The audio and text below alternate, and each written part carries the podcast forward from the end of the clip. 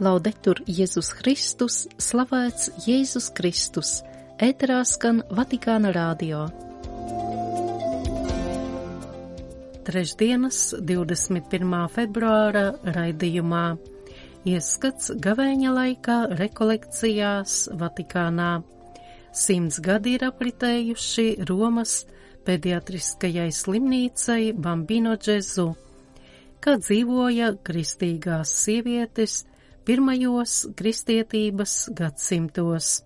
Svētā Jāzepa kongregācijas māsas Kristīnas Šenkas sagatavots apskats. Asīzes Svētā Franciska bazilikā atjaunota slavenā Čimaboes freska Dievmāte tronī ar bērnu. Raidījumu noklausīties aicina Inese Štēnērte. Vēlu jums patīkamu klausīšanos!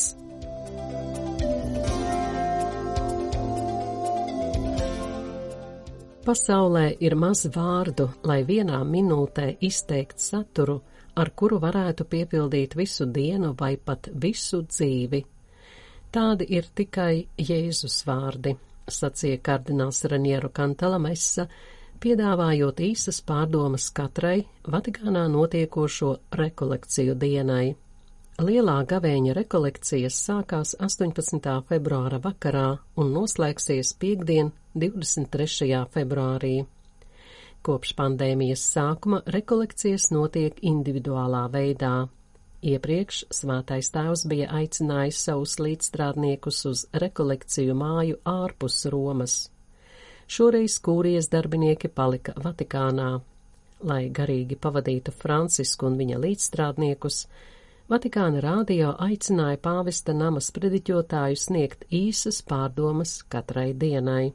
Pirmdien itāļu kardināls pievērsās jautājumam, ko Jēzus uzdeva saviem mācekļiem - ko jūs meklējat? Šo jautājumu vajadzētu uzdot katram no mums, lai gan ir skaidrs, ka mēs visi meklējam laimi. Šo meklējumu pamatā ir tas, ko dažos vārdos ir izteicis svātais Augustīns. Nemierīga ir mūsu sirds, kamēr tā neatrodas tevī. Paskaties uz sevi, uz savu brāli vai māsu. Paskaties, vai tev šeit nav izskaidrojums tik daudzām tavām bēdām un raizēm, proti, ka tu esi meklējis ūdeni saplaisājušās cisternās, nevis dzīvā ūdens avotā, kas ir Dievs, sacīja kardināls Kantalamesa. Otrdien pāvesta namas prediķotājs pievērsās vārdiem, kurus Jēzus veltīja Martai. Vajag tikai vienu. Quella parola adesso è rivolta a ciascuno di noi. Una cosa sola è necessaria. Se hai quest'unica cosa hai tutto.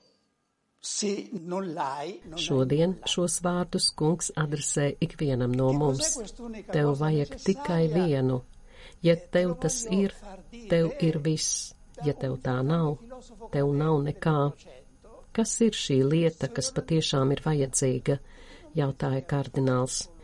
Es atbildēšu ar 19. gadsimta dāņu filozofa un teologa Sērena Obju Kirkegora vārdiem, lai jūs zinātu, ka ne tikai mēs, sprediķotāji, sakām šādas lietas.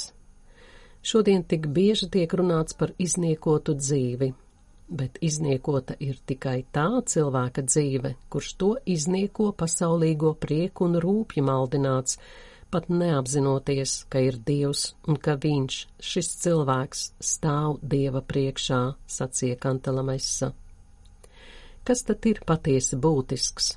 Jēzus to pauda divās līdzībās - par apslēpto dārgumu, kura dēļ ir vērts pārdot visu, un par dārgo pērli, kuras dēļ ir vērts atteikties no visām pārējām bagātībām. Viss, kas ir vajadzīgs, ir Dieva valstība, tas ir Mums ir vajadzīgs Dievs, norādīja kardināls Raniero Kantalamessa.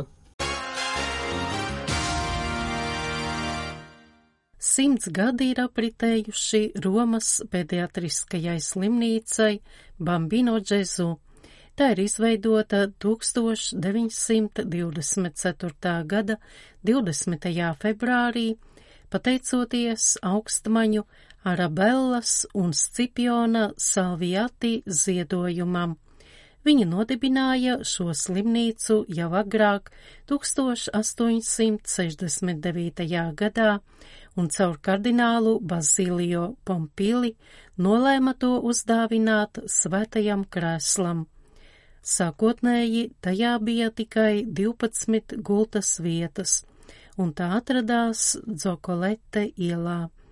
1887. gadā Slimnīca tika pārvietota uz Svētā Onufrija seno klosteri Džanikolo kalnā, kur tā atrodas joprojām un gaida savu nākamo pārvietošanu, kas tiek plānota 2030. gadā un atradīsies bijušās Forlanīni slimnīcas rajonā. Pirms Romas pediatriskā slimnīca tika uzdāvināta svētajam kreslam, tajā jau tika aprūpēti ap 33 tūkstoši bērnu. Šajā sastāvā ietilpa 1915. gadā Avedzano zemestrīcē cietušie 420 bērni, kā arī ap 300 bērnu, kas bija inficējušies ar tā devēto spāņu gripu 1918. gadā. 1917. gadā tika atklāta slimnīcas nodaļa Santa Marinellā. Otrā pasaules kara laikā slimnīcai nācās savu darbību apturēt, taču karam beidzoties sākās tās pakāpeniska attīstība. 1978. gadā sāka darboties Palidoro komplekss, 2012. gadā San Paulo un 2022. gadā Passos Kuro kompleksi. Bambino Džezu izvērtās arī par universitātes pētījumu centru. 1958. gadā slimnīcu pirmoreiz kā viesis apmeklēja pavists Jānis 23. 1968. gadā Pāvils VI, 1979. gadā Jānis Pāvils II, 2005. gadā Benedikts 16 un 2017. gadā Francisks. Šodien Bambino Džezu ir vislielākā pediatriskā slimnīca un pētniecības centrs Eiropā. Tas sadarbojas ar vairākām slimnīcām un pētniecības centriem citās valstīs. Šeit ir iekārtot arī reto slimību nodaļa un tiek pieņemti pacienti ne tikai no Itālijas, bet arī no ārzemēm. Kā dzīvoja kristīgās sievietes pirmajos kristietības gadsimtos un kā attīstījās sieviešu reliģiskā dzīve, gan kontemplatīvā, gan aktīvā balstoties uz rakstveida dokumentāciju, kā arī arheoloģijas un mākslas liecībām, apskatu par šo tematu ir sagatavojusi Svētā Jāzepa kongregācijas māsa Kristīna Šenka no Klīvlendas, Amerikas Savienotajās valstīs. Kad biju jauna klostermāsa, ļoti vēlējos uzzināt, kādas bija mūsu ticības māsas senatnē lai arī aizrautīgi lasīju svēto rakstu tekstus, man bija grūti tajos iedomāties sevi, jo mūsu lekcionārie teksti vēstīja gandrīz vienīgi par kristīgās senatnes vīriešiem, apskata ievadā raksta māsa Kristīne. Viņa atzīmē, ka Jēzus māceklis, izņemot jaunavu Mariju, tikpat kā neparādās. Kad māsa sāka studēt teoloģijas maģistratūrā, Viņa cītīgi vāca jebkuru viņas rīcībā nonākušo informāciju par pirmajām kristietēm. Šajā un dažos nākamajos raidījumos iepazīstināsim ar māsas Kristīnes Šenkas apkopoto materiālu par sieviešu reliģisko kopienu vēstures saknēm. Vispirms tiek aplūkota kristietības izplatīšanās. Jēzus kustība izplatās ļoti strauji visā Romas impērijā, daļēji pateicoties atraitņu un sieviešu, kas vadīja mājas baznīcas devumam. Tās izaugsmis sekmēja arī bagātu kristīgo sieviešu, tādu kā Marija no Magdalas un Joanna, Lidija, Fēbe, 4. gadsimta diakonese, Olimpija un citu finansiālais atbalsts. Nevelti pavests Benedikts 16. 2007. gada 14. februāra vispārējā audiencē ir teicis, ka kristietības vēsture attīstītos citādi, ja nebūtu daudzu sieviešu dasnā atbalsta. Pavists Benedikts apgalvoja, ka pirmatnējās baznīcas vidē sievietēm bija daudz lielāka nozīme par otrās šķiras nozīmi.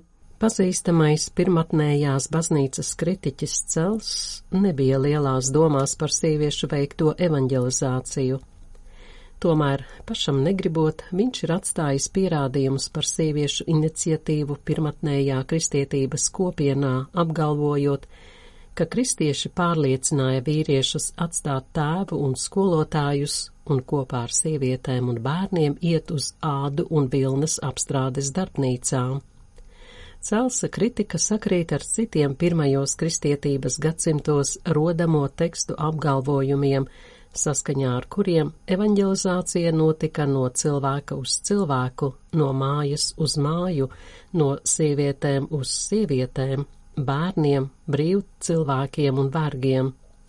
Celsa kritika mums veistīja, ka kristīgās sievietes un nedaudz vīrieši uzņēmās iniciatīvu ārpus patriarchālās sabiedrības likumiem, lai tālāk izplatītu savu ticību Kristum.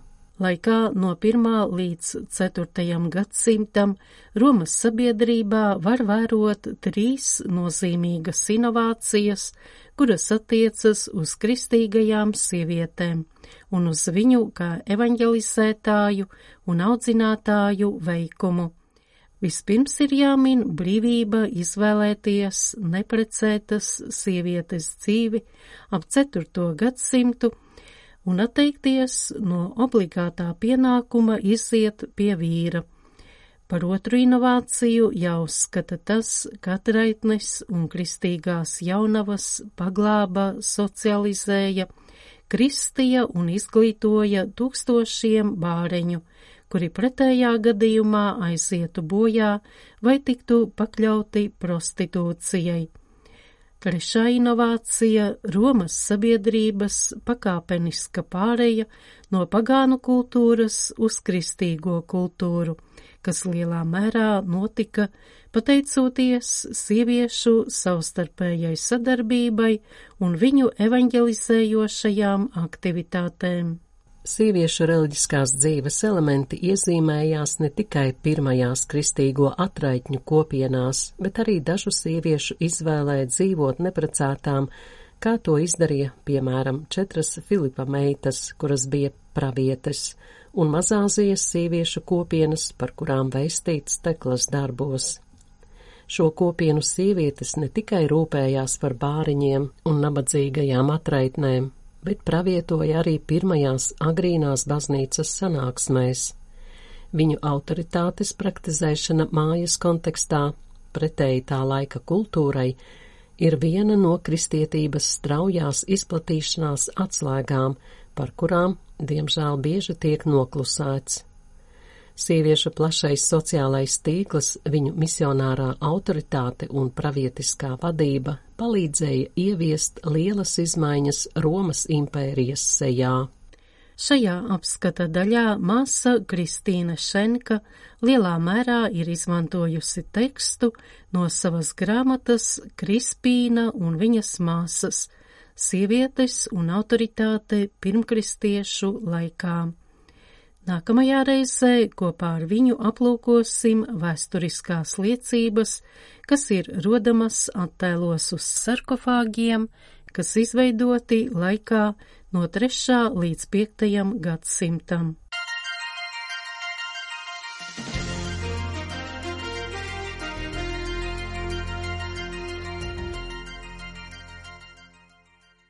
Atjaunotā izskatā iemirdzējies viens no nozīmīgākajiem mākslas darbiem Asīzes svētā Franciska bazilikā. Tā ir Čimaboes gleznotā freska Dievmāte tronī ar bērnu. Freska ir pazīstama arī ar nosaukumu Asīzes majestāte. 16. februārī pēc rūpīgi veiktiem restaurācijas darbiem notika freskas atklāšanas ceremonija un preses konference. Restaurāciju veica Teknireko komanda Svetā Franciska bazilikas galvenā restaurātora Sergio Fuzetti vadībā. Darbus sponsorēja automobiļu firma Ferrari. Freskas saglabāšanas projekts sākās 2023. gada janvārī, 50 gadus pēc pēdējās restaurācijas. Čemabues darbs Dievmāte tronī ar bērnu tiek datēts ar laiku no 1285. līdz 1290. gadam. Tā ir pirmā freska, ko viņš uzglaznoja Svētā Franciska bazilikā tās apakšējā daļā. Attēls ir slavens arī ar to, ka tajā klātesošais svētais Franciskas dzīvē visvairāk varētu līdzināties tieši šeit redzamajam viņa attēlojumam. Saskaņā ar tradīciju Čimabue viņu gleznoja, vadoties pēc norādījumiem, kurus deva svētā Franciska laika biedrs kurš viņu pazina personīgi. Kā preses konferencē atzīmēja Asīzes franciskāņu konventa kustods Teus Marko Moroni, freskas atjaunošanai, kas paveikta šajā laikā, ir būtiska nozīme, jo 2026. gadā apritēs 800 gadi, kopš svētais Francisks tika aizsaugts mūžībā. Čemabues freska ir uzgleznota sausā tehnikā, tāpēc tā ir mazāk izturīga pret laika ritējumu.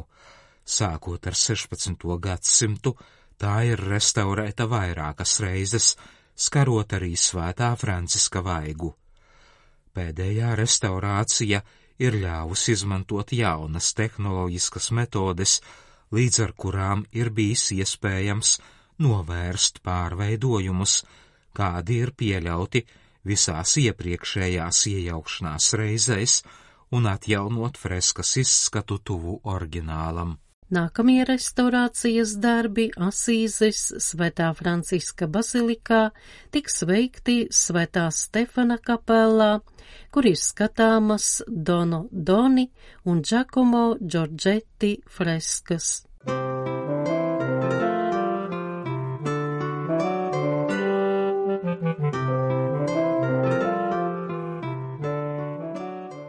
Jūs klausījāties Vatikāna radio. Slavēts Jēzus Kristus, laudetur Jēzus Kristus!